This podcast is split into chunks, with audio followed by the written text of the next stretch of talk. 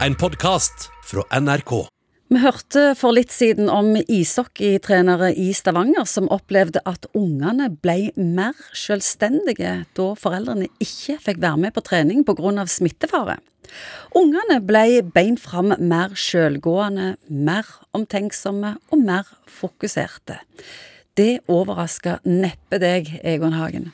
Nei, nå tror jeg at ishockey Jeg har en god kollega som er aktiv i ishockey, og han sier at uh, noe av det fine med ishockey er at det faktisk er en litt sånn uh, tøff oppdragerarena for mange unger. Hvis på hvilken måte? Nei, hvis de ikke er kjappe i garderobene, hvis de tuller og ikke møter på tida, så får de ikke være med på treninga.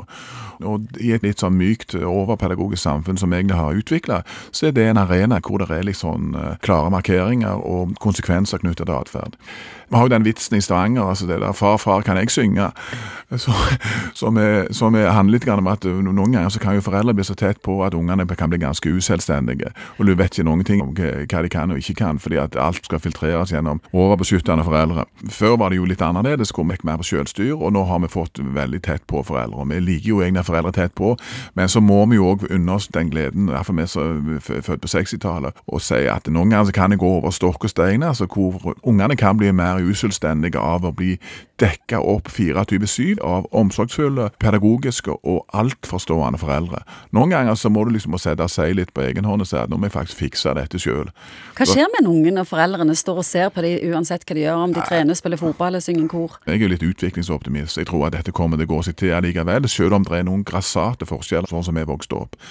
At ungene kommer til sjelsår alder og finner ut at de faktisk må tenke sjøl og tørre ting på egen hånd og alt dette.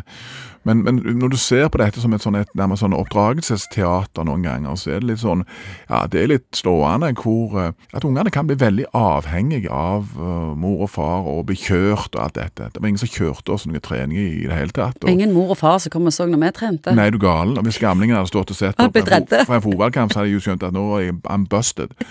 så det var helt, helt, helt annerledes. Men disse helikopterforeldrene som svever over og passer på, og som møter hver eneste behov og passer, hva gjør det med utviklingen til kiden? Jeg ville sagt la ungene i større grad få prøve å kjenne litt på usikkerheten. La de, la de, få lov å kjenne litt på kjedsomheten. La de prøve å finne ut av ting litt mer sjøl. Jeg, jeg, tror kanskje vi er i ferd med å gjøre en litt bjørnetjeneste.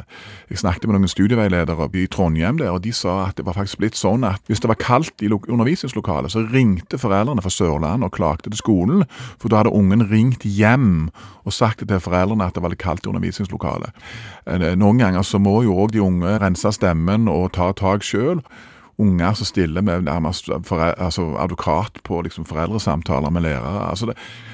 Noen har sagt at eh, du gjør barnet ditt en bjørnetjeneste hver gang du gjør noe for dem som du ikke kunne gjort sjøl. Er det noe i det? Det er noe med det, vet du. Og tenker Før når du var 15-16 år, og så tok du over roret på fiskeskuta til faren fordi at faren var vond i ryggen lå i kroken på kjøkkenet. Det, det, det er et eller annet der altså, hvor denne barndommen nå ser ut til å vare utrolig lenge. Og vi vet jo ikke helt hvordan dette kommer til å gå, egentlig. Vi har jo hatt en generasjon nå som har vært veldig sarte og kjenne etter og kjenne etter. Og mitt eget fag har jo i stor grad bidratt til at det er viktig å kjenne etter og få respektere følelser og alt dette. Og mange ganger så er jeg litt usikker på om jeg har dratt dette litt langt, jeg. Noen ganger så må du liksom bare bite tennene sammen og gønne på, egentlig, uten å kjenne for mye etter. For det å kjenne etter kan gjøre at du mister farten, og du blir usikker, og ja, det blir bare snørr og tårer. Det er jo ikke alltid at det driver verden framover. Disse foreldrene som gjør dette, gjør de det for seg sjøl, eller gjør de det for ungene, eller er det foreldrepoliti som presser gjennom? Det er vel blitt en sånn, en sånn foreldrestander og ressurssterke foreldre om at de skal følge opp, sant? Og, og ungene skal gjøre alle disse ting, og alle skal spille fotball, selv som de, de som ikke liker å spille fotball.